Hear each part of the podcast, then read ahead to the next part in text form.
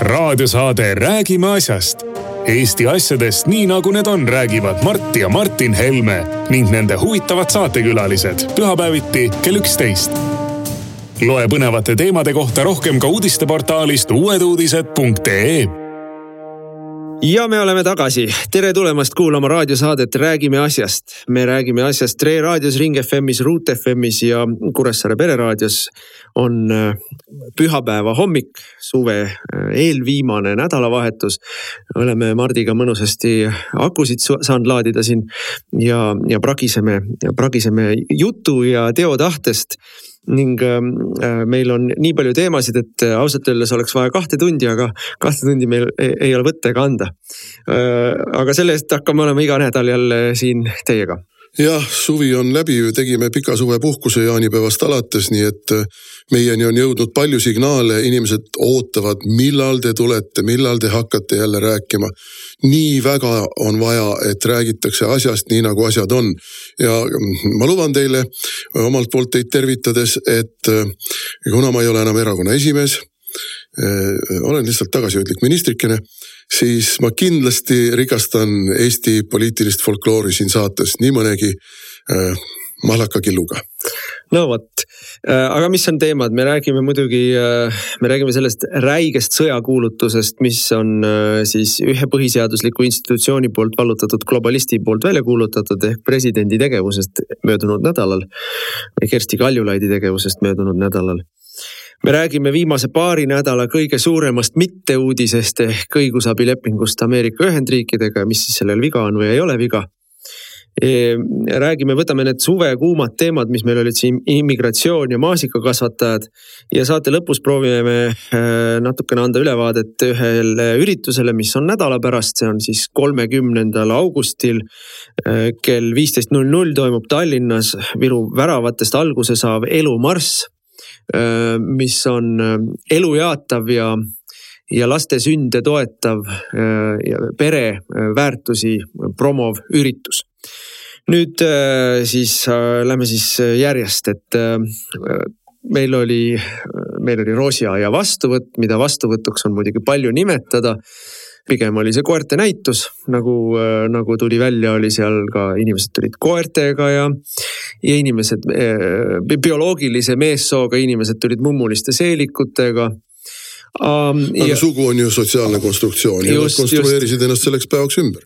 et kui nüüd, kui nüüd mõtelda selle peale, et miks Äripäev, kes justkui peaks olema noh, siis nii-öelda ettevõtlussõbralik ja, ja noh, parempoolset äh, majanduspoliitikat toetav leht vähemalt teoorias.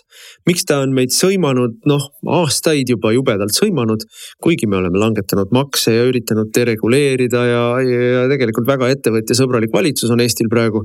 et miks ta meid sõimab, siis vastus on selles, et mõned asjad on tähtsamad kui need asjad, mis on välja kuulutatud, ehk ideoloogiline, väärtused ikkagi jooksevad mööda liberaalset fronti.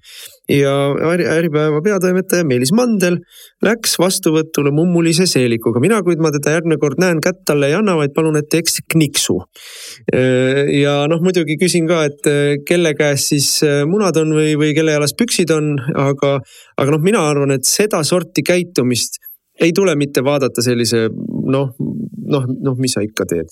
et seda sorti käitumist tuleb halastamatult rappida. see on väärastumise tipp, kuhu me oleme jõudnud. ja kõige õudsem on see, et no, no, noh, inimesed teevad igast naljakaid asju. me teame, et pikamaa autojuhid võtavad endal vahel püksid jalast ära, et oleks, ei oleks nii palav istuda ja ei higistaks. aga kui sa, et noh, noh mugavuse pärast.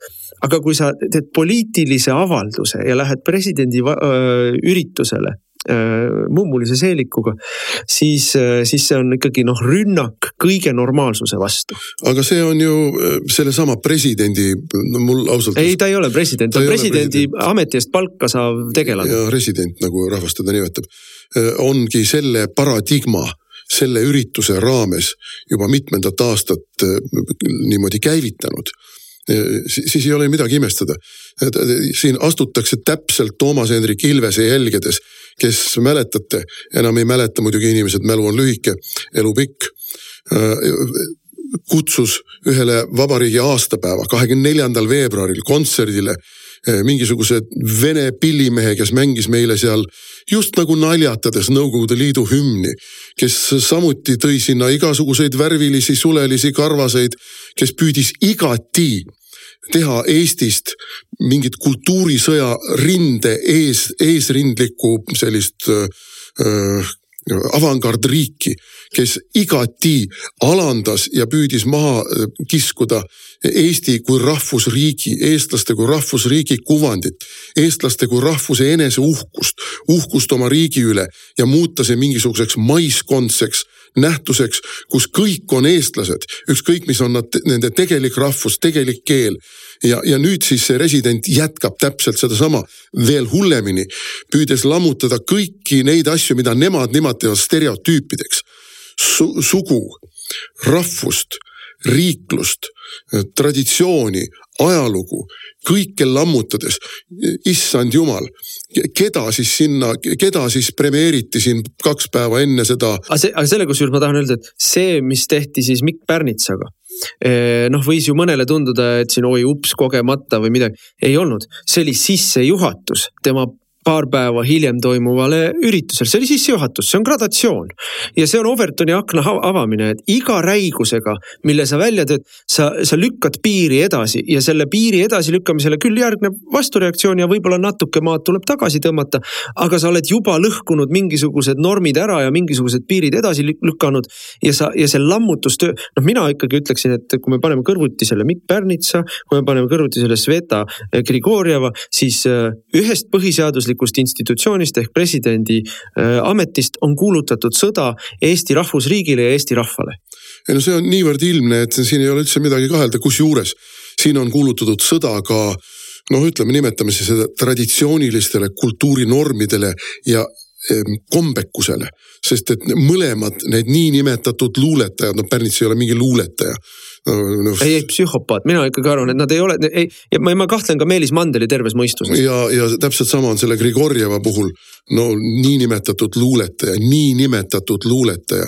mul on sahtlid täis luulet, mis on tõepoolest luule, millede puhul ma olen aastakümneid kõhelnud.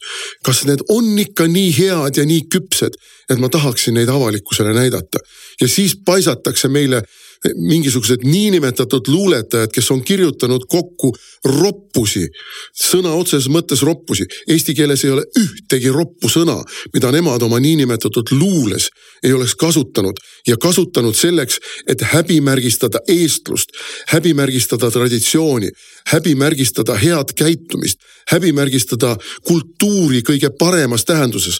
sest mis on kultuur? kultuur on enesevaos hoidmine, enese piiramine, endale normide seadmine.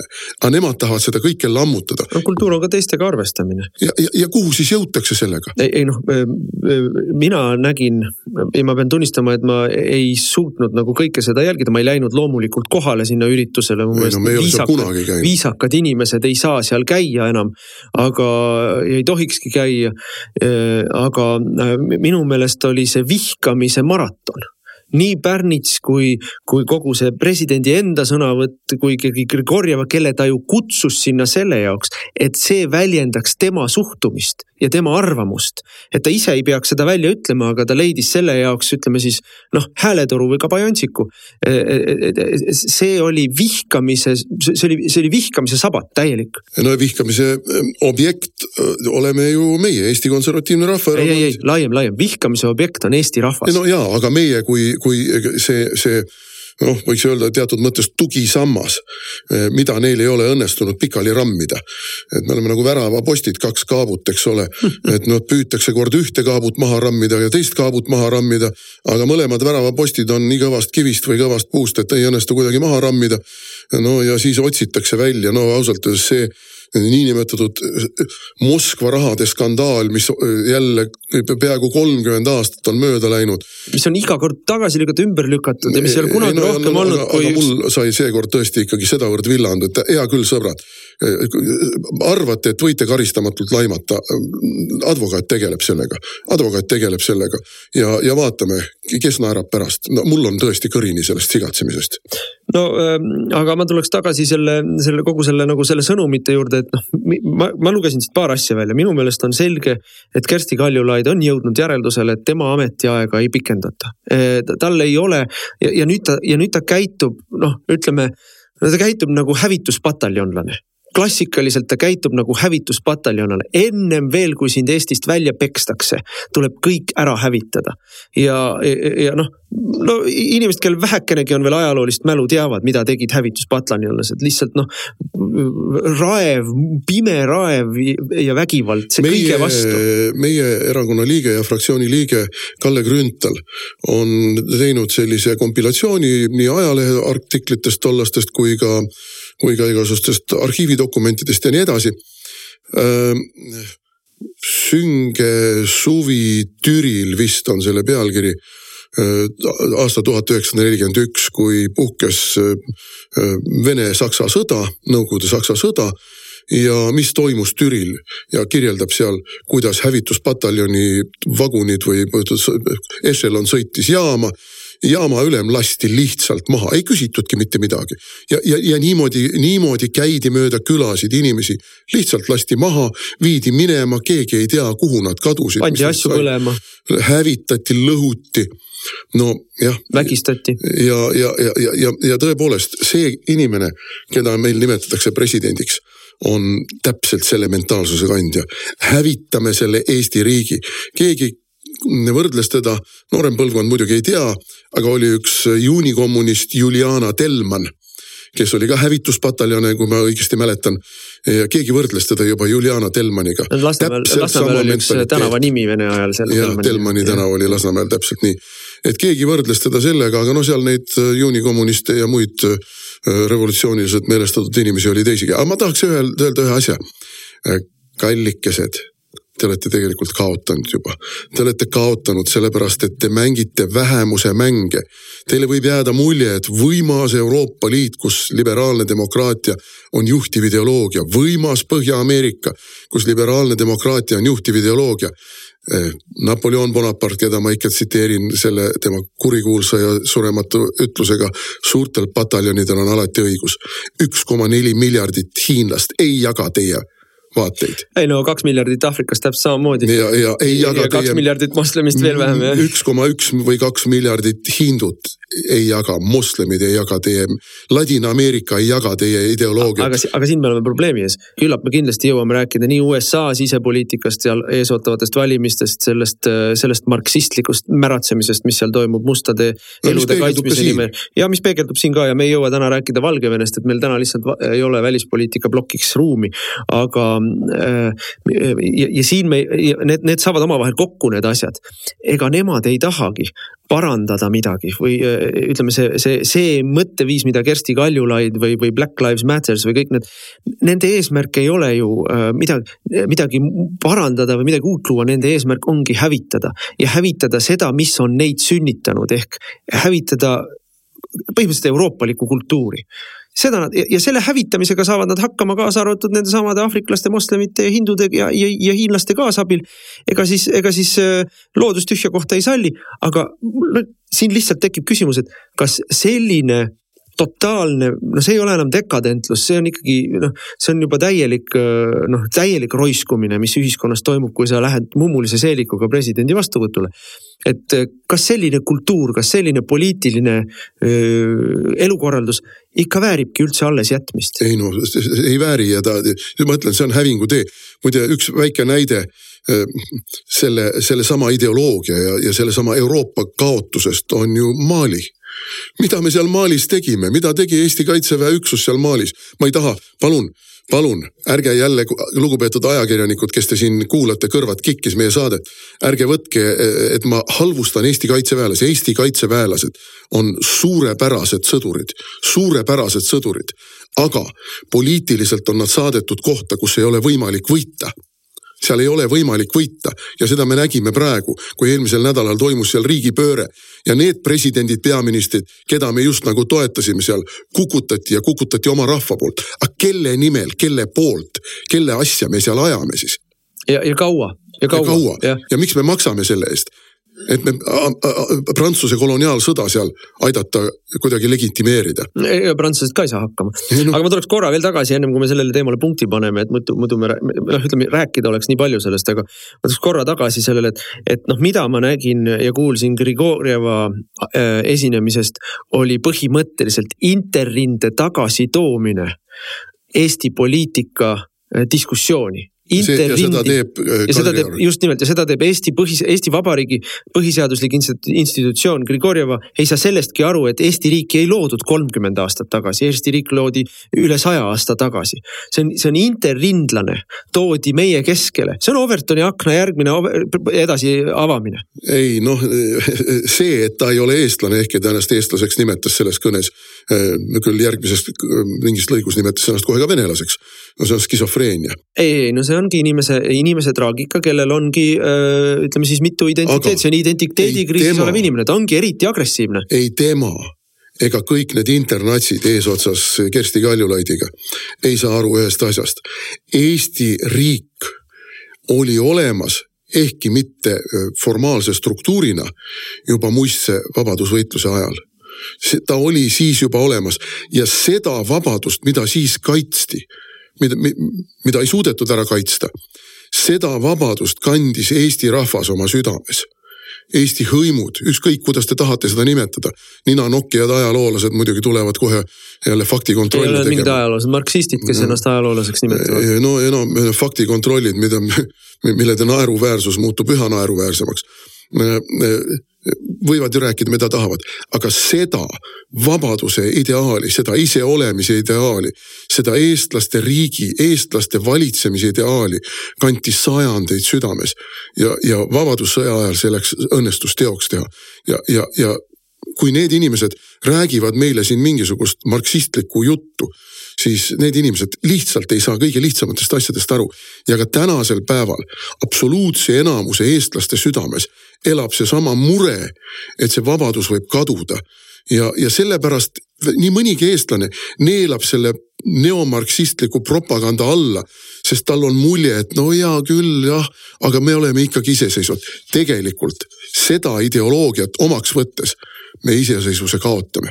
vaimse iseseisvuse kõigepealt ja seejärel ka füüsilise aga, aga vaimu kallale on ju kõige agressiivsemalt mindudki. see võitlus ongi ju, ju võitlus ideede, hoiakute, väärtuste. kultuurisõda. see on kultuurisõda ja, ja, ja nende, nende minu meelest lähenemine on väga lihtne kas see sõda võidetakse siin Eestis kõige alatumate võtetega või, või, või Eestist jääb järgi tühermaa ja, ja, ja, ja seda me peame aru saama, mis, mis on meie seis.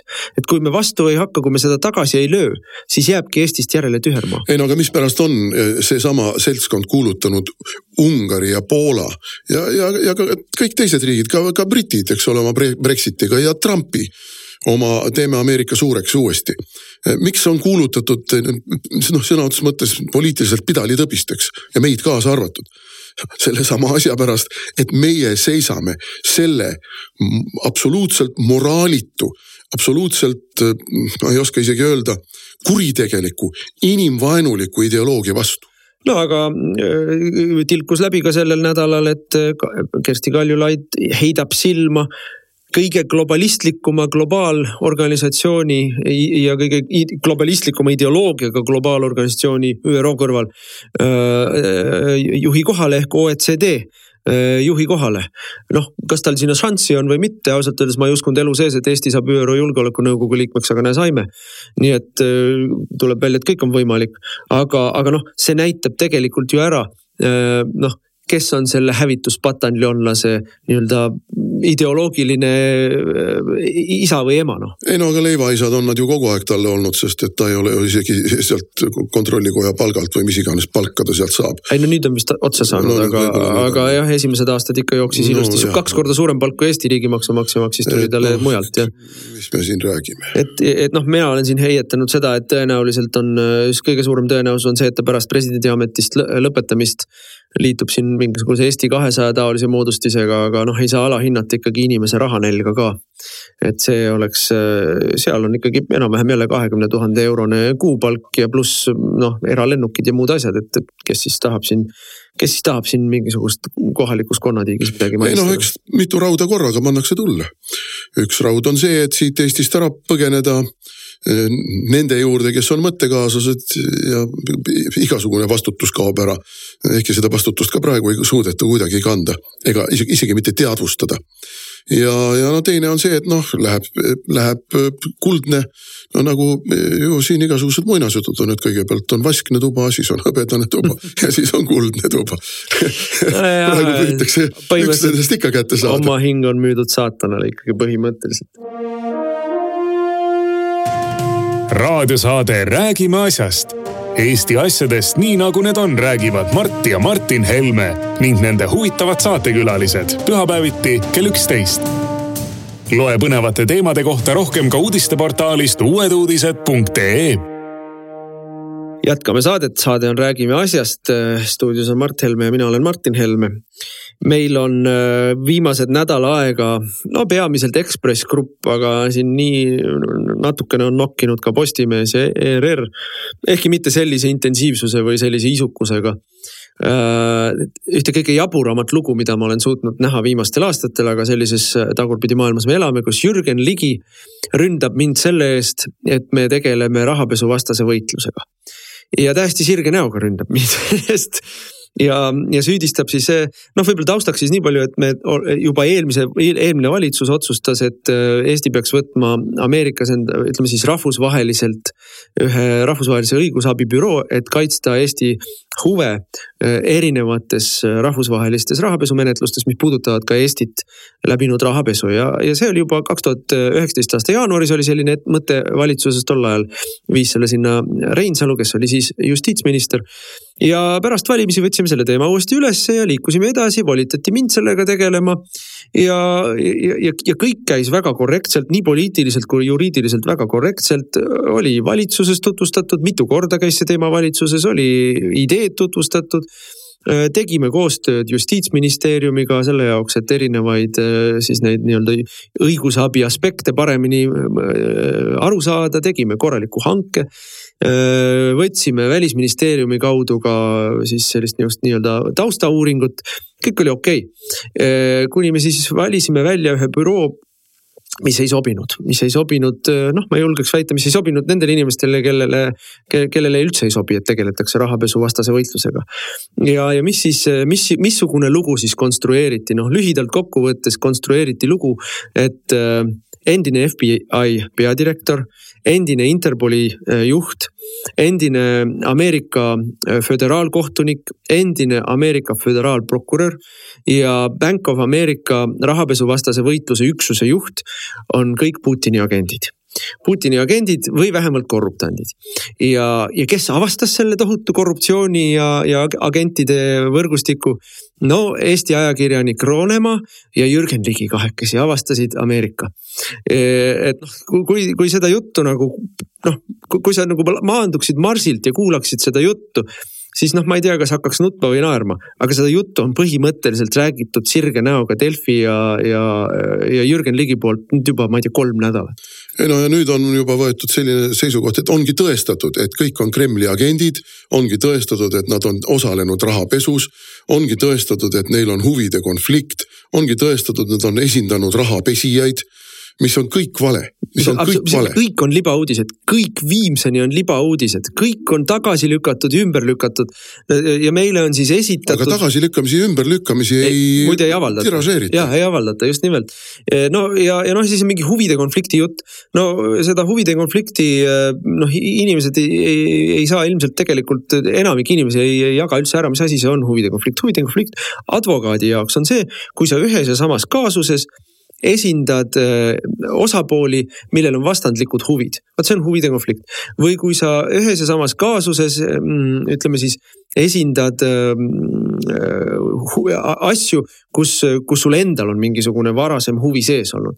ja sellist huvide konflikti ei ole mitte kuidagi mitte keegi siiamaani ära näidanud, räägitakse mingisugusest Prevezoni kaasusest, kus äh, Louis Freeh eraldi, mitte see õigusbüroo, kellega meil on leping, osales äh, siis kokkuleppemenetluses Ameerika Ühendriikide ja ühe firma vahel, kusjuures selle kokkuleppemenetluse tulemuseks oli see, et Ameerika prokuratuur loobus rahapesusüüdistusest. ehk siis ka see äh, noh, sinna, sinna juurde käiv jutt, kuidas ta on esindanud rahapesijaid, esiteks ta ei esindanud, vaid ta vahendas kokkuleppemenetlust, mis on teine asi ja teiseks lõpuks Ameerika Ühendriigid ei tõestanud seda rahapesu ära. ja me võime kõik arvata, et venelased nii, venelased naa, küllap ei olnud puhas raha või, või, või mis kõik veel ja, ja kõigele lisaks isegi see nii-öelda kahtlane skeem, mille Ameerika prokuratuur pani lauale ja mida nad ei suutnud kohtus ära tõestada.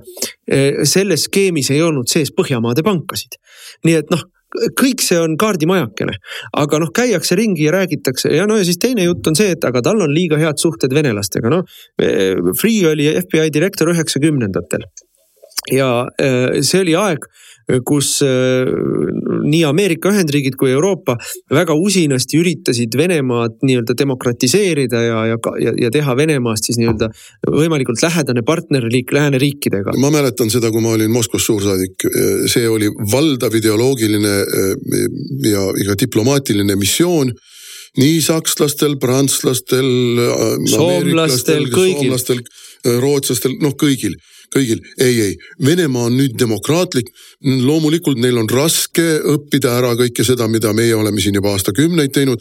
me peame neid selles aitama ja püütigi aidata ja püütigi aidata ja see, selle aitamise üheks äh, osaks oli ka see, et toimus õigus igasuguste organisatsioonide vaheline väga tihe koostöö, väga tihe koostöö. ma ise nägin, ma käisin ise erinevate saatkondade vastuvõttudel, mida organiseeriti väga erinevate kõrgete ametnike ja, ja poliitikute Moskvas käikude puhul lõin nii mõnegi kõrge vipiga klaasi kokku, vahetasin mõned viisakusfraasid. et see oli selleaegne poliitiline põhivool. ja praegu rääkida, et siis sõlmitud sidemed on just nagu kuritegelikud ja nende, nende, nende tollase poliitilise peavoolu missioonide täitmine on, on just nagu mingisugune kuritegu. paljastab selle, et nad on Vene agendid kõik. kõik, kõik need suursaadikud, kõik need ametiasutuste juhid, kõik need poliitikud, kes üheksakümnendatel üritasid nii-öelda hõlmata positiivselt Venemaad, mis oli ju ka meil, oli osadel parteidel. seesama Ilves, kes, kes nüüd räägib, ma ei tea, mis juttusid, eks ole tuli välja no, kuskil aastal üheksakümmend kuus või millalgi niimoodi võis olla Venemaa positiivse hõlvamise programmiga. no palun väga, ma ütlesin kohe ja ma ütlesin muide tookord ka omal ajal ka Moskvas nii nendele lääneriikide diplomaatidele kui ka nii mõnelegi poliitikule, ma mäletan seal soomlased, rootslased korraldasid aeg-ajalt mingisuguseid üritusi, kus nende poliitikud olid kohal, ma ütlesin, et see ei õnnestu. madu vahetab nahka, aga jääb maoks. Vene riik Vene selline tsivilisatsiooniline enesetunnetus on, on midagi niisugust, mida teil ei õnnestu siin mingisuguse mõne aastaga ümber muuta. ei no ja e, ega siis Vene eriteenistused ei kadunud kuhugi, nad formeerusid ümber ja üks viis, kuidas Vene eriteenistused nii-öelda oma haaret laiendasid ja suurendasid, oli rahaga, musta rahaga, millega nad ujutasid üle juba üheksakümnendatel terve Euroopa ja pool maailma ja millega nad ujutasid edasi nullindatel ja, ja, ja selle sajandi teisel dekaadil. Suur osa sellest rahast, mida on pestud läbi Balti pankade, läbi Põhjamaade pankade, no ma ei tea, kui suur osa, seda on meil noh, tänase päevani raske hinnata, oli ju Vene, oligi ju Vene eriteenistuste erioperatsioonide raha, millega tehakse igasuguseid huvitavaid asju läänes. küll ostetakse üles poliitikuid, küll strateegilisi ettevõtteid. noh, küll mürgitatakse lihtsalt inimesi.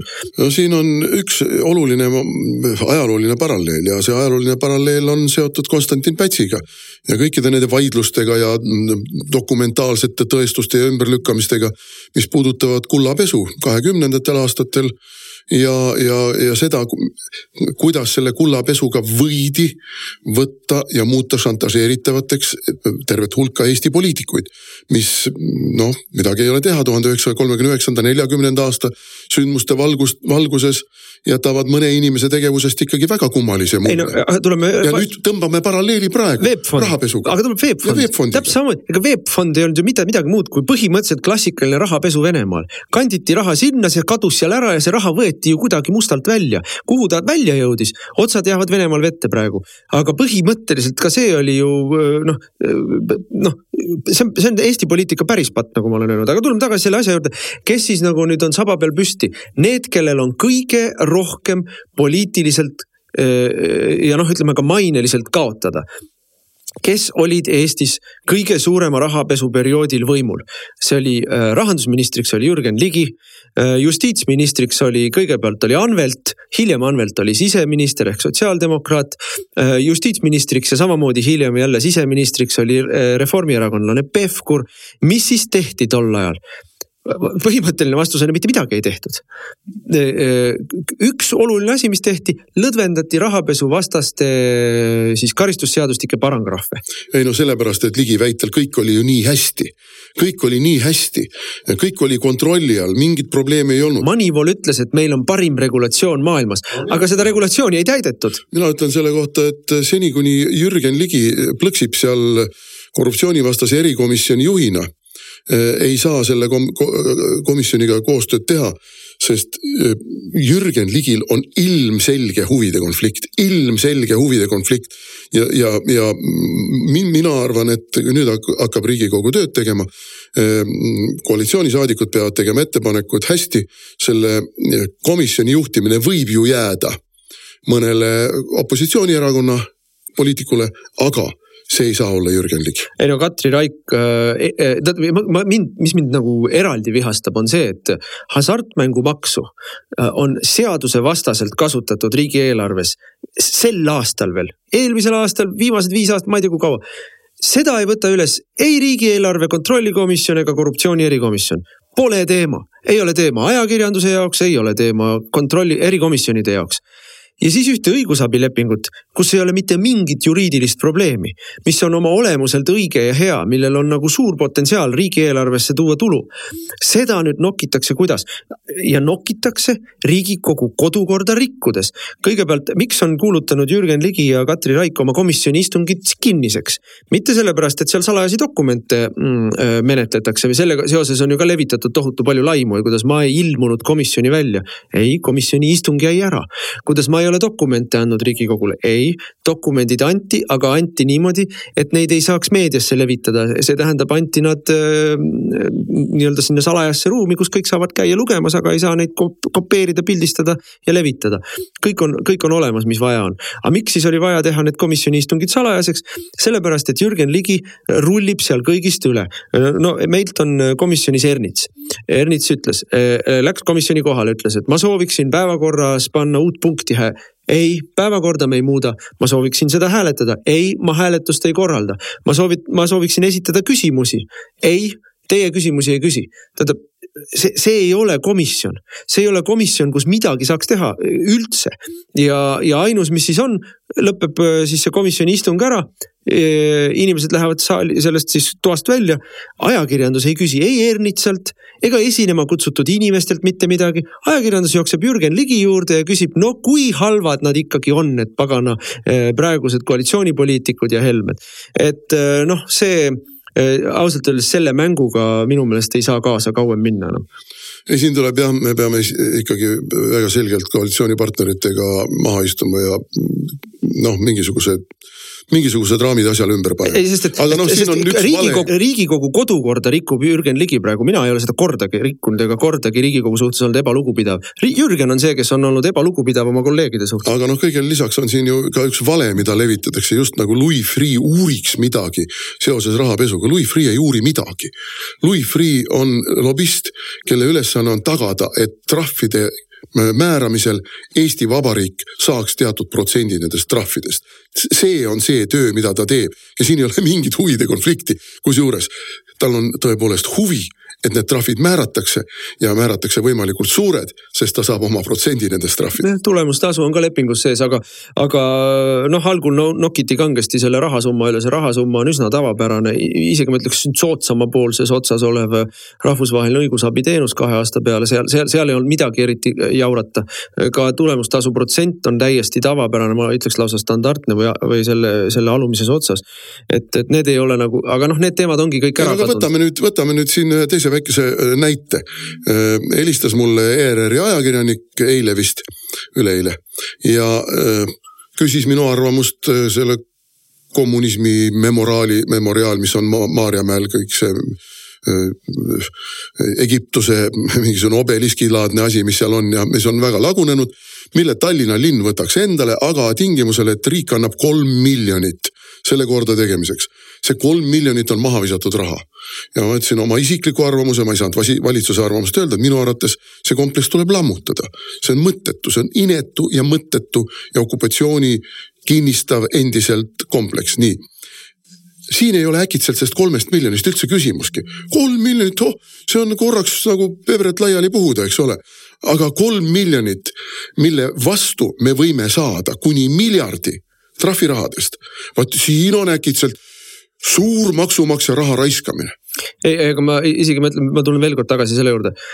mitte kedagi ei huvita see, et päriselt hasartmängumaksu raha on kasutatud ebaseaduslikult, vot see olekski Jürgen Ligi komisjoni tegelik teema, aga vot sellega ta ei tegele ja sellega ei tegele ajakirjandus, sellega ei tegele keegi, keegi. mis mulle muidugi juhiks veel ühele lõbusale asjale tähelepanu, et, et järjekordne libauudis, no see see kubiseb libauudistest, noh, mina tõesti ütlen, ma ei, mul ei ole mõtet neid lugedagi, sest et seal on kas moonutused, tagurpidised selgitused või lihtsalt väljamõeldised üksteise otsa, see on nagu noh, täielik noh, peeglite ja suitsumaailm.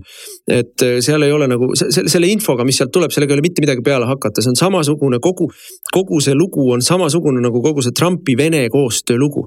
ja Trumpi-Vene koostöö lugu on ju absoluutselt laiali pudenenud. sel nädalal pandi ju vangi üks FBI-lane, kes võltsis dokumente, et saada siis erikohtult Trumpi pealtkuulamisluba. et noh, nii palju siis sellest nii-öelda Vene koostööst Trumpi puhul.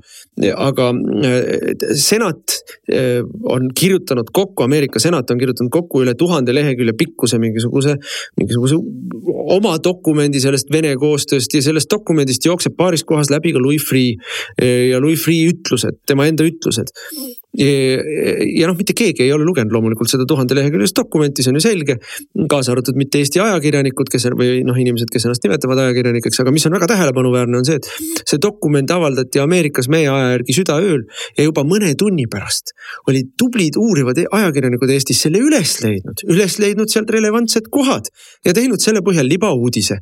et noh, ärme nüüd ole naiivsed, et, et see kõik kogu see mürgel, mis käib, on ainult Eesti-sisene mürgel, et rahapesu on rahvusvaheline kuritegevus. ja, ja selles on sees olnud noh, väga lai võrgustik inimesi ja need inimesed ei ole kõik sugugi olnud Vene oligarhid, vaid seal on ikka need, need otsad lähevad hoopis, hoopis valgematesse kohtadesse välja ei, aga noh, miks neil nii suur mure on? suur mure on sellepärast, et, et me oleme saanud ju piisavalt informatsiooni selle kohta, kuidas tegelikult meie institutsioonid lohistavad jalgu ameeriklastele andmete andmisega. ja Free on võtnud selle kätte ja Free on inimene, kellel on isiklik lähedane juurdepääs ja suhe peaprokuröri ehk justiitsministri William Barriga.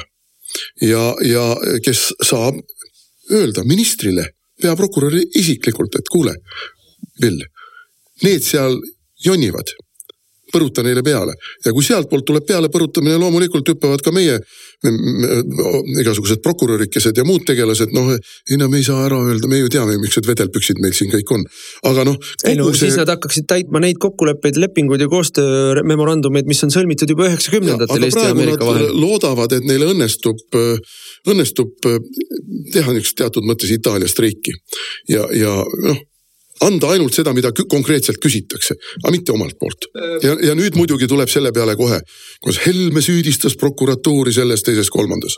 sõbrad, tõestage, et tõestage, tehke faktikontroll, aga tõeline faktikontroll, et ma eksin, mul on ainult hea meel, kui ma eksin. ei no aga ma, ma tahaks nagu aru saada, et tegelikult ikkagi uuesti, millest siis iva on? iva on selles, et tänane valitsus tegeleb rahapesuvastase võitlusega hoopis teise intensiivsusega ja hoopis teise tõhususega kui varasemad valitsused.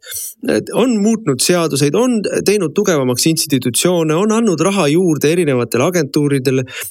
noh, on kõike seda teinud ja seda on muide läänes märgatud ja seda on, seda on läänes nagu tunnustatud ja me jätkame sellel teemal ja siis on mingisugune kamp, kelle ajal see kõik toimus ja kes no tõesti teevad, üürgavad nagu siga aia vahel selle peale, et, et me teeme midagi kahtlast, vale või Eestile kahjulikku no jätkake, jätkake, jätkake, no ma üldiselt kujutan ette, et reformikad tahavad siiski veeretada selle asjaga umbusaldusavalduse poole. no, no pekske peaga edasi vastu seina, ma ainult soovin teile jõudu. ei noh, see, mis on ju selge eesmärk on kogu see turmtuli, mis on minu peale suunatud, just nagu ma oleks mingi riigivaras olnud ja turmtuli, mis on sinu peale suunatud, just nagu sa oleks mingisugune Kremli agentide käpiknukk siin. selle eesmärk on ju väga lihtne valitsuses tekitada nii suured pinged, panna peaministri närvid sedavõrd proovile, et mingil hetkel koalitsioon laguneb. ja kui see koalitsioon laguneb, siis hüppavad reformierakondlased kohe loomulikult püsti, tühistavad selle lepingu Freeh'ga, lõpetavad igasuguse rahapesu uurimise siitpoolt, Eesti poolt ja, ja jäävad äh, vaikselt ootama, et see vaikselt vajub. aga ma ütlen veel ühe asja, mida ma ei ole väga palju rääkinud, aga e, kogu selle hanke korraldamise ajal mulle korduvalt mõjukad inimesed soovitasid noh, nii-öelda konkreetset bürood, kellega lepingut sõlmida ja ma ütlesin, et ei, ei, mul on siin erinevad valikud. soovitasid konkreetset bürood, no ja siis, kui see, see konkreetne büroo ei jõudnud sinna äh, nii-öelda lõpp, lõppvalikusse, siis hakkasid rääkima, kuidas need, kes sul välja valitud on, need kohe kuidagi ei kõlba. et äh, tegingi vale seltskonnaga lepingu, tegin sellise seltskonnaga, kellega ei olnud ette nähtud. ja nüüd ähm, niipea, kui see nii-öelda, niipea kui see skandaal lahvatas, siis mis olid esimesed asjad, mida nõudma hakati? see leping tuleb tühistada tühistada. seda lepingut ei saa täita. sellist lepingut, nüüd on meile valetatud, sellist lepingut küll ei saa edasi jätkata. et see on, see on, see on juba ammu ennem lepingu sõlmimist oli, oli press peal, et tee kellegi teisega aga mitte sellega ja minule on see tähendanud ainult ühte asja, aga just nimelt teen sellega. ei no just nimelt sellega, kes tegelikult on ohtlik sellele kambale, kelle väljarookimine Eesti poliitikast ja nii mõnegi inimese trellide taha panemine peaks olema kõikide nende asjade eesmärk. raadiosaade Räägime asjast. Eesti asjadest nii nagu need on, räägivad Mart ja Martin Helme ning nende huvitavad saatekülalised pühapäeviti kell üksteist loe põnevate teemade kohta rohkem ka uudisteportaalist uueduudised.ee jätkame saadet, saade on Räägime asjast ja stuudios on Mart Helme, mina olen Martin Helme, meil on esimene saade pärast pikamat suvepuhkust. ja selle tõttu me võtame siin ette ka mingeid teemasid, mis on suvel võib-olla pikemalt laagerdanud, mis ei ole väga värsked. noh, üks teema, millega meil siin ma ütleks, et pool juulikuud keerati tuksi, oli, oli äh, nii-öelda maasikakasvatajad, kelle hulgas maasikakasvatajaid peaaegu ei olnudki, olid võõrtööjõu vahendajad, peamised kisakõrid olid ju võõrtööjõu vahendajad. Ja, ja tööjõu, äh, ütleme siis odavtööjõu äh, impordiga tegelevad isikud ja ettevõtjad, kes äh, palkasid endale päris osavad PR-firmad, kes ketrasid ja väntasid täiesti valelikke lugusid, libauudiseid nädalast nädalasse, nädalast nädalasse. ja noh, meie vastuseis äh, ütleme siis Ukraina odavtööjõule on kahe, äh, kahe aspekti peal. esimene loomulikult ongi rahva tervis ja siin meil oligi õigus. Need ukrainlased, kes toodi, tõidki maale ju koroona olid ühed, kes tõid. olidki tõid, meil on tulnud. teine laine ja üks osa sellest lainest sai alguse ukrainlaste öö, odavtööjõud, odavtööjõust Äh, see on üks aspekt, nii et kõik noh, see jutt sellest, kuidas mis te kiusate ja koroona on ainult ettekääne, on, on lihtsalt noh, on, on nii valelik, kahepalgeline, võlts. Äh, et noh, seda tegelikult ei tohiks isegi sellele üldse mingit tähelepanu pöörata. ja no teine asi ja see on palju olulisem asi tegelikult ka veel, sest et noh, koroonapiirangud on veel noh, eraldi pakett, on seismine oma inimeste eest, seismine selle eest, et ka maapiirkondades saaks meie inimesed tööd ja saaks tööd mõistliku normaalse palgaga. ja kõik need jutud sellest, kuidas mul ei ole kahe tuhande eest ka lüpsjat võtta, mul ei ole kahe tuhande eest võtta ühtegi maasikakorjajat, need on osutunud totaalseks valeks. läbinähtavaks haledaks valeks. alates sellest, kuidas me võtsime välja maksuametist andmed, keegi ei maksa, mitte keegi ei maksa isegi noh, no tuhat heal juhul, kui inimesed korjavad tünniga kokku, noh, ma ei tea, teevad kahekümnetunniseid tööpäevasid, noh, puulased ja tohtlase moodi. aga kahte tuhandet ei maksa keegi kellelegi. mingisugusest juttugi ei ole sellest, et meil on vaja tuhandet töötajat maksuandmetel ma ei tea, maksimaalselt mõnisada inimest, mis tähendab tegelikult ju seda, et tööl olid inimesed mustalt. Neile maksti mustalt, neile maksti mustalt miinimumpalka sealt pealt ei laekunud ei tööjõumaksud, ei käibemaksud, mitte midagi. see kõik on olnud üks jälk vastik vale. kusjuures tõestust on leidnud ka see, et need inimesed pannakse äh, väga paljud täiesti ebainimlikesse tingimustesse elama no just nagu mingi üheksateistkümnes sajand, kus kuskil mingi kopitanud aitades ja lakapealsetes pidid inimesed, sulased ja tüdrukud magama. pead jalad segama. nüüd siis niisamuti ilma elektrita, ilma veevärgita no ma ei tea. no põhimõtteliselt putkades ikka, noh shantytown, aga ja noh, ja muidugi kui palju on neid lugusid tulnud välja, kus inimesed, kes on jäänud kas töötuks või tahtsid suvel lisaraha teenida, läksid ennast pakkuma. ei, ei ei, ei, me küll rääkisime, et meil on tööjõudu vaja, aga me praegu ei võta, me praegu ei võta. ehk siis äh, kõik need jutud sellest, kuidas meil, meil, meil ei ole inimesi võtta, no pole võtta inimesi. vale, vale, vale, vale, vastik, vastik, alatu vale. ja sellised inimesed siis tulevad ja räägivad nii-öelda maainimeste nimel no tegelikult ei räägi. no ma ütleks muidugi, et ka äh, Põllumajandus-Kaubanduskoda on, on minu silmis oma margi täielikult täis teinud ja no ausalt öeldes äh, on kahjustanud väga selgelt valitsuse ja mm, kaubanduskoja vahelist koostöö atmosfääri sest et noh, muutumine mingisuguseks propagandaasutuseks noh. sotside propaganda. sotside propagandaasutuseks, no andke andeks, andke andeks ja no ma ütleksin veel selle sotside, sotside aspekti puhul, sotsi fraktsioon kutsus mind kevadel Riigikokku rääkima maasi, Eesti marjakasvatusest, põllumajandusest ja. ja noh, suhteliselt viisakas õhkkonnas rääkisime seal ja suhteliselt noh, praktilisel teemadel, et, et noh, see noh, mis sa ikka karjud äh, loosungeid üksteisele, kui see on nii-öelda suletud koosolek või kus nii-öelda kaameraid ei ole kohal nagunii e,.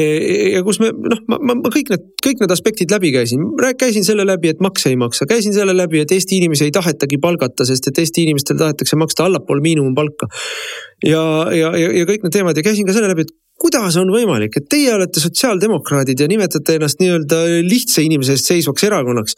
ja te teete kõik selle jaoks, et, et lihtne inimene lihtsat tööd ei saaks ja kui ta saab, siis ta selle eest ei saaks elamisväärset palka ja mina, konservatiiv, parempoolne, võitlen nende eest ja nende töötingimuste ja nende palga head, eh, parema palga eest, et. et kas te ei arva, et te olete kuskil ikka väga valesti pannud millegagi? aga noh, näe ei arva, nad ei ole tegelikult lihtsa inimese ega tööinimese ega maainimese eest seisev erakond, nad on ikkagi, ongi roosa-lilla kamp, eh, salongi, šampanja sotsialistid. kellele lähevad korda ikkagi hoopis teised asjad kui, kui inimeste töötingimused või palgatingimused. ja, ja noh, see, ma ütleks ka sellesama kaubandus Põllumajandus-Kaubanduskoja kohta, et teil olid sõbrad valitsuses, teil olid head sõbrad valitsuses, kui, kui oli, kui, kui võeti ühendust, saime kokku, rääkisime, rääkisime võimalustest, rääkisime sellest, mis vaja on. Teil ei ole enam sõpra seal, minu näol teil seal enam sõpra ei ole nojah, ja noh, me ei taha siin selles mõttes öelda, et me nüüd Eesti põllumehe huvide eest seismise lõpetame nende sõrmuste ja muude seltsimeeste pärast ära. aga äh, ma arvan, et meil on mõistlik põllumeeste muresid kuulda otse, mitte selle kamba vahendusel ja noh, ma teeks üleskutse põllumeestele, kui tahate oma esindusorganisatsiooni äh, saada uuesti selliseks, kellel on valitsuses kõrv, siis valige see juhtkond ümber. Raadiosaade Räägime asjast. Eesti asjadest nii nagu need on, räägivad Mart ja Martin Helme ning nende huvitavad saatekülalised. Pühapäeviti kell üksteist. loe põnevate teemade kohta rohkem ka uudisteportaalist uueduudised.ee jätkame saadet, meil on järgi jäänud umbes kümme minutit saate lõpuni. Eh, tahaks eh, teha promo ja kutsuda inimesi, eh, kutsuda inimesi kaasa ühele, ühele toredale üritusele, mis on ka mujal maailmas toimiv. On Elumarss ja järgmisel nädalavahetusel, kolmekümnendal augustil on siis kell kolm päeval toimub, toimubki siis Elumarss niimoodi, et ta saab alguse Tallinnas Viru väravate juurest ja liigub sealt siis Vabaduse väljakule, kus on siis väike muusika ja mõned sõnavõtud ja elumarsi põhimõtteline eesmärk on kaitsta elu tema loomulikust algusest tema loomuliku lõpuni ja pidada elu pühaks Äh, ja see tähendab loomulikult siis ka sündimata laste elu. ehk siis äh, oma olemuselt on ta üritus, mis üritab, äh, üritab viia ühiskonnas laiali sõnumit, et kõik elu on püha ja kõiki elu tuleb kaitsta ja, ja ka sündimata elude eest tuleb seista no siin jällegi tuleb muidugi juhtida tähelepanu sellele, kuidas, kuidas vasakäärmuslased ja liberaalid on süüdistanud meid ju selles, kuidas me oleme rünnanud naiste arste ja ma ei tea, mida kõike, me ei ründa naiste arste. me püüame selgeks teha, et ühiskonnas juurduks see teadmine, juurduks see hoiak, et ka sündimata elu on püha. ka sündimata lapsel on ootus, mõelge inimesed kõik selle peale, et teid ei pruugiks siin olla kui teie vanemad ei oleks teid tahtnud? no ma ütleks veel äh,, isegi läheks nagu kaugemale, et ka neid inimesi, keda nende vanemad mingil hetkel ei tahtnud ja kes on saanud sündida äh,. ka nende elu on väärt ega siis äh, noh, maailm on kirju ja keeruline, inimelud ja inimsaatused on kirjud ja keerulised. on väga palju, ütleme selliseid olukordi, kus inimesed äh, jäävad enesele ootamatult või, või planeerimatult lapseootele ja, ja, ja noh, Eestis eriti on ju palju seda, kus siis mehed kergitavad kohe kaabut ja ütlevad, ma ei taha sellest midagi teada. et tegelikult tuleb ka selle hoiakuga väga põhimõtteliselt tegeleda, et selle elu eest vastutab mitte ainult naine, vaid ka mees ja, ja noh, siis selle, selle tuleviku hirmu ja, ja selle ja ka osaliselt ühiskondliku propaganda ja surve tagajärjel ma ütleks, et ei noh, mis ta ikka on, ta ei ole veel midagi, ta on mingi rakutomp umbes. Eh, noh, lahendan selle probleemi niimoodi, aga, aga just selle hoiaku vastu see marss ongi. et see on ime, elu on ime ja, ja selle ja selle eest seismine, selle kaitsmine.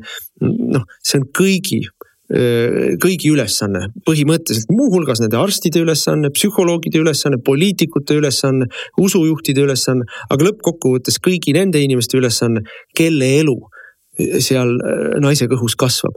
et, et noh, seda, seda sõnumit tuleb ja me kõik teame, uuringuid on tehtud tonnide viisi.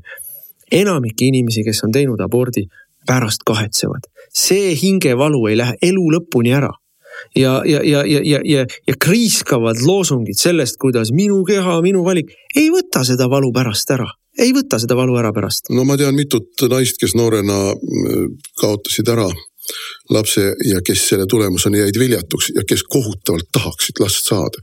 kes tegelevad kunstliku viljastamisega, kes tegelevad lapsendamisvõimaluste otsimisega, kes lihtsalt soovivad, soovivad olla emaks ja, ja e, noortel naistel loomulikult tasub ka selle koha pealt mõelda, aga siin me jõuame muidugi ka teiste moraalsete aspektideni, et noh, ega ikka nagu vanasti öeldi, et, et liiga lõdva püksikummiga ei saa ka olla, sellepärast et see võib noorena kaasa tuua soovimatu rasestumise. ja, ja siis on loomulik nii mõnegi mõttes, et aga no mis, ma ei pea seda alles, alles hoidma. elu on ees ja, ja küll ma jõuan et e, need asjad on komplekssed ja keerulised ja, ja siin on vastutuse ahelad palju mitmekülgsemad, kui see pealtnäha paistab. ja no ma ikkagi, ma tuleks tagasi selle juurde, et minu meelest on väga suur töö vaja ära teha, et ikkagi eh, meeste vastutust eh, isaduse juures eh, rohkem juurutada. see on ja, ja, ja, ja me jõuame saate alguseni tagasi, et seelikuga mehed ei ole mehed ega isad, kes ei saa, nad ei saagi aru sellest vastutusest. ei no mis oli selle Pärnitsa sõnum, Pärnitsa sõnum oli ju see, et perekond on kõige hirmsam asi. Perekond on vägivallapesa. perekonnas eh, toimub enamik vägivalda Eestis toimub perekonnas, mis ei vasta absoluutselt tõele loomulikult aga vägivald on perekonnas, kus ei ole moraalseid norme. Need moraalsed äh, normid, need moraalsed pidurid, mille lammutamisega te tegelete päevast päeva, liberaalid, need viivadki selleni, et vastutuse ja vastutuse ja tulemuse seoste omavahel kokkuviimine nagu kaotavad igasuguse mõtte. see, see on, see on, see on teie võitlus ju, mida te peate, et oleks võimalikult palju vägivalda, mitte vastupidi. see elumarss juhid tähelepanu sellele, et ei oleks vägivalda ei sündimata elu suhtes ega sündinud elu suhtes, ei elukaaslase suhtes ega kellegi teise suhtes. nii et noh, üks on täiesti elu jaatav, positiivne ja teine on täiesti eitusele, negativismile. no ma isegi ütleks, et satanismile üles ehitatud ideoloogia no,. surmale surmakultuur, see on surmakultus ja surmakultuur, et, et selles mõttes. Ja mina arvan, et seda tehakse täiesti teadlikult, et meil ongi võitlus ju selle üle, et välja suretada kristlik valge maailm. ja see on, see on väga mitmel tasandil ja väga-väga laialihargnev ja seda tuleb, sellest tuleb aru saada, sellest tuleb aru saada, see ei ole lihtsalt mingid sõgedad inimesed, kes panid seeliku selga. Need on inimesed, kellel on väga sihikindel agenda ja selle agenda eesmärk on surmakultuur ja selle surmakultuuri eesmärk on meid välja suretada. meid eestlastena välja suretada, meid eurooplastena välja suretada. see on see agenda ja, ja, ja selle vastu tuleb mobiliseeruda. aga noh, elu, elumarsi, elu, ma paneks siia kõrvale, mäletate, ennem valimisi oli naistemarss, kus Ossinovski mm, sotsiaalministeeriumi erinevate töötajatega korraldas noh, kohutavalt agressiivse, kriiskava vägivalda õhutava mingisuguse räukleva ürituse. et äh, meie ürituse või vabandust, see ei ole meie korraldatud, ma tahan seda ka öelda, et see ei ole meie korraldatud, et see on, see on tegelikult kristlaste korraldatud üritus. vabakoguduste, erinevate vabakoguduste põhiliselt. me üritame sinna panna organisatoorselt oma õlga alla ja, ja peame seda üli, üliõigeks ja üliheaks asjaks, mida teha. aga, aga see tool, mis meie tahame. ütleks täpsustavalt veel nii palju, meie poole pöörduti siis, kui tegelikult rong oli juba rööbaste poole peale pandud. Ja ei noh, meid kutsuti kaasa ja hea meelega läheme kaasa. aga, aga ma tahangi öelda, et selle kogu selle ürituse toon on, on midagi täiesti muud, kui oli see, see nii-öelda naistemarss või feministide marss või kuidas me igane, iga inimesed, kes panid endale roosad mütsid pähe ja ütlesid, et need on tutimütsid. et äh, meie, meie ikkagi tahame, et see oleks perekeskne, üdini positiivne, lapsi väärtustav ja laste kasvatamist väärtustav üritus, peresid väärtustav, meh-, meest kui mehelikkuse ideaali väärtustav, naist kui naiselikkuse ideaali väärtustav üritus. ja see, ja selles mõttes ta on täiesti vastuvoolu ujuv kõigele sellele, mida meie noh, hävituspataljonlased teevad. ja need on, need on tublid ja julged inimesed, kes seda, kes seda korraldavad, veavad ja, ja, ja, ja, ja kes ka, need on ka tublid ja julged inimesed, kes sinna kohale tulevad, sest et selles õhustikkus õhustikus, mis meil on, no meie õhustik ei ole veel nii võigas, kui on Ameerikas. Mm,. Ameerikas on ikkagi noh, jälle see, kui valelik ja korrumpeerunud on meedia, on lihtsalt õõvastav, et väike valge viieaastane poiss lasti Ameerikas tema põhimõtteliselt naabri poolt maha, sellepärast et ta astus üle aiapiiri ja solvas sellega neegrit. see ei ole teema. See ei ole kuskil uudistes, ei mingeid märatsemisi, ühtegi kuju ei kista kuskil maha, ei ole teema viieaastane väike valge poiss hukatakse tema koduhoovis, tema perekonna silme all. aga ärme sellest räägi, sest et see ei aita edendada Black Lives Matter'i poliitilist agendat. no muide jällegi tulles tagasi täna juba paar korda mainitud Toomas Hendrik Ilvese juurde. Ilves on ju juba teatanud, et kui Trump peaks võitma, siis sellega ei saa leppida. mis tähendab seda, et inimene, kes on kogu aeg rääkinud seda, kuidas Eesti peab kuuluma NATO-sse ja Ameerika Ühendriigid on Eesti kõige suurem julgeoleku tagati, tagaja, tahab öelda, et viime Ameerika kodusõtta ja siis anname sellega kuldse šansi, vabad käed venelastele Baltikumis toimetada. ei, aga on äh, sellesama korrumpeerunud süvariigi osa, kes on viimased neli-viis aastat Trumpi üritanud kukutada.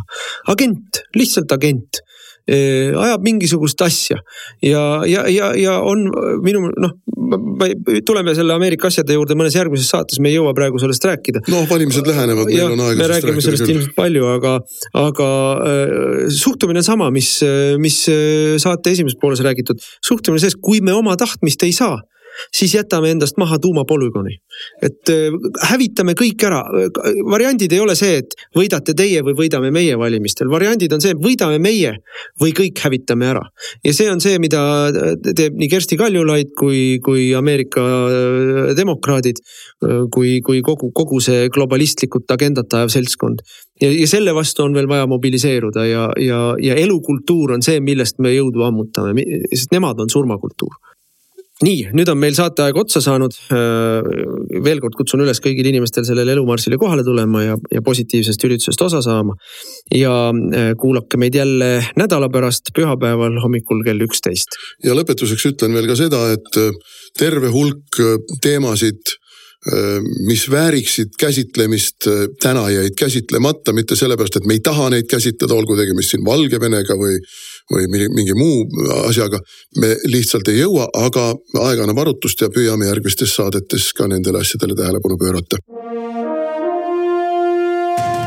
Te kuulasite raadiosaadet Räägime asjast. saate eest tasus Eesti Konservatiivne Rahvaerakond. järelkuulamine internetis treeraadio.ee ja uueduudised.ee